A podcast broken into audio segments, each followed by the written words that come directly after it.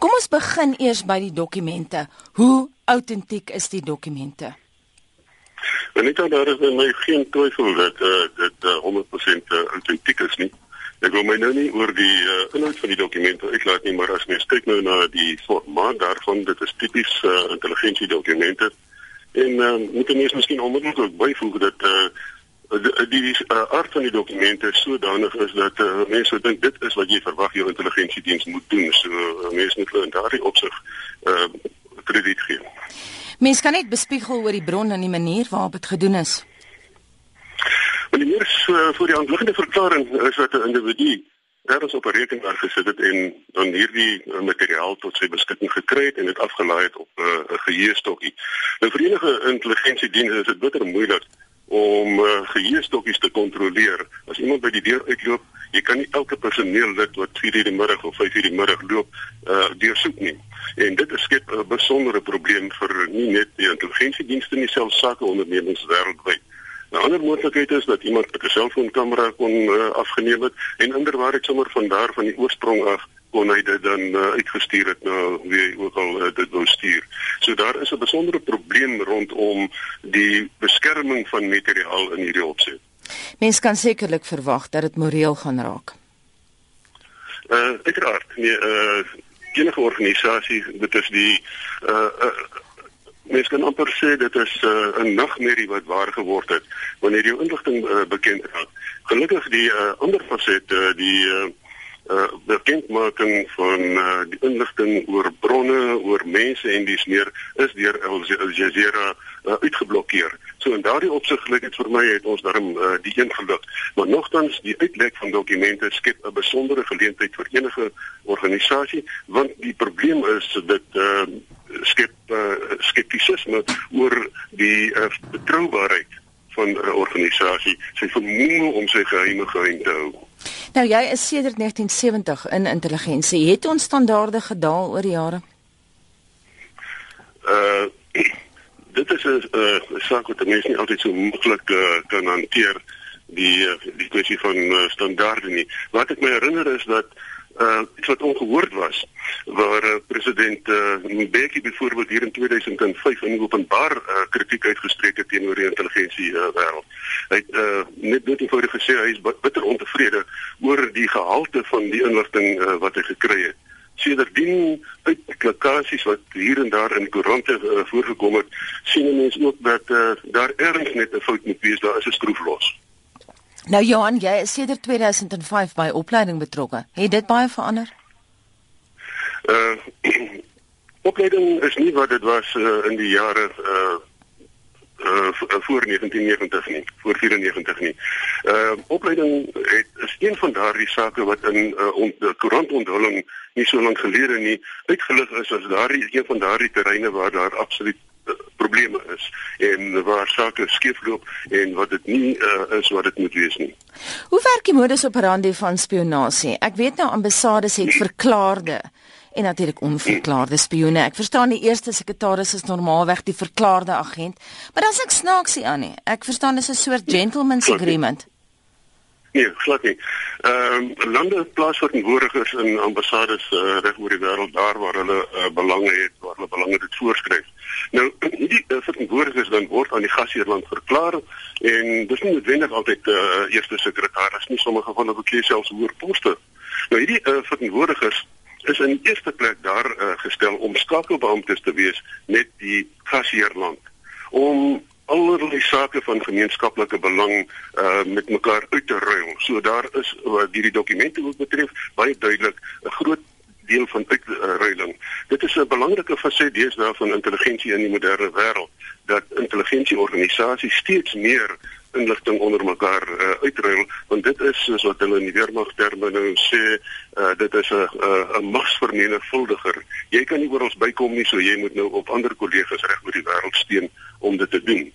Nou uh, een van die uh, sake wat as 'n uh, in die protokol dan uh, ingeskryf word is dat jy nie in jou uh, op jou gasheerland mag spioneer nie. Daardie persoon wat by ambassade is, mag nie enigsins iets doen wat teen die belange van die uh, plaaslike land is waar hy uh, geplaas is nie. Nou dit is die een kant van uh, intelligensie in 'n bepaalde land. Dan is daar nog die sogenaamde onverklaarde mense, die wat onder dekking is, die wat in die geheim nou na die uh, uh in in die land geplaas word om seker goed uh uit te vind.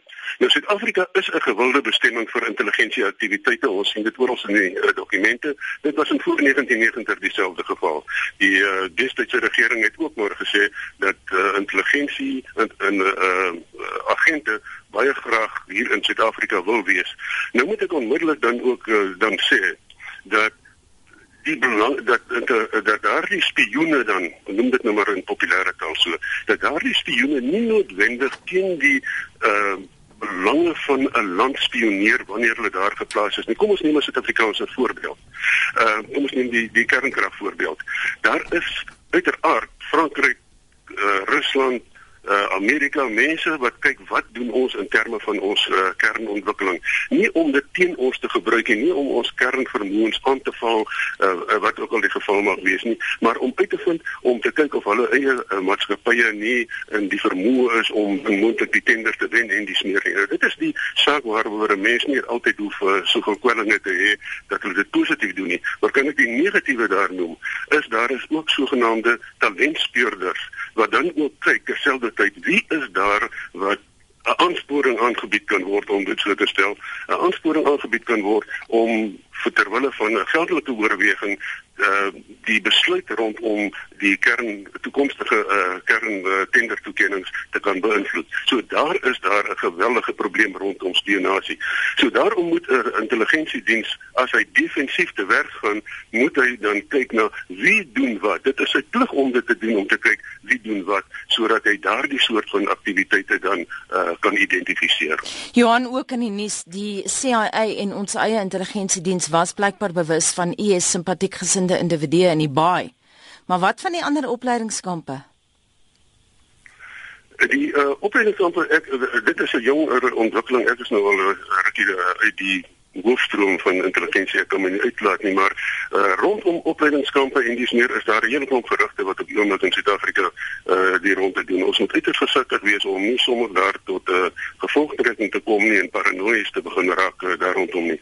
Uh, ek kyk byvoorbeeld na van die uh, sake wat in die koerant was ehm um, waar daar gesê is van sekere instansies wat deur Iran hier gekontak is, maar dit is nie instansies terwyl uh, Iran uh, Shia instansies is en dat as hulle byvoorbeeld die Sunni instansies wil bevorder, uh, dan is dit net 'n anomalie. Dit uh, werk net normaalweg nie so nie. So ons moet net baie baie versigtig wees oor al die gerugte wat tans in omloop is rondom uh, die kampe. Jy het nou nou verwys Johan na die uitreding van inligting en die samewerking. Mens dink nou aan byvoorbeeld James Angleton wat hoof was van die die CIA se teenintelligensieprogram het MI5 ingelig dat Donald McLean, hy was toe die Britte se eerste sekretaris in hulle ambassade in Washington, 'n Russiese spioen was. Die probleem was die Britte het nie gereageer daarop nie want die inligting het by Kim Philby uitgekom. Ja, uh, dit is korrek. Nou uh, die uitruil van inligting wêreldwyd is iets uh, soos ek reeds gesê het, uh, iets wat uh, uh, baie uh, toeneem. Want uh, kom ons neem 'n uh, uh, geval van ergens in Afrika. Uh, daar is 'n bepaalde probleem aan die ontstaan kom ons sê Boko Haram.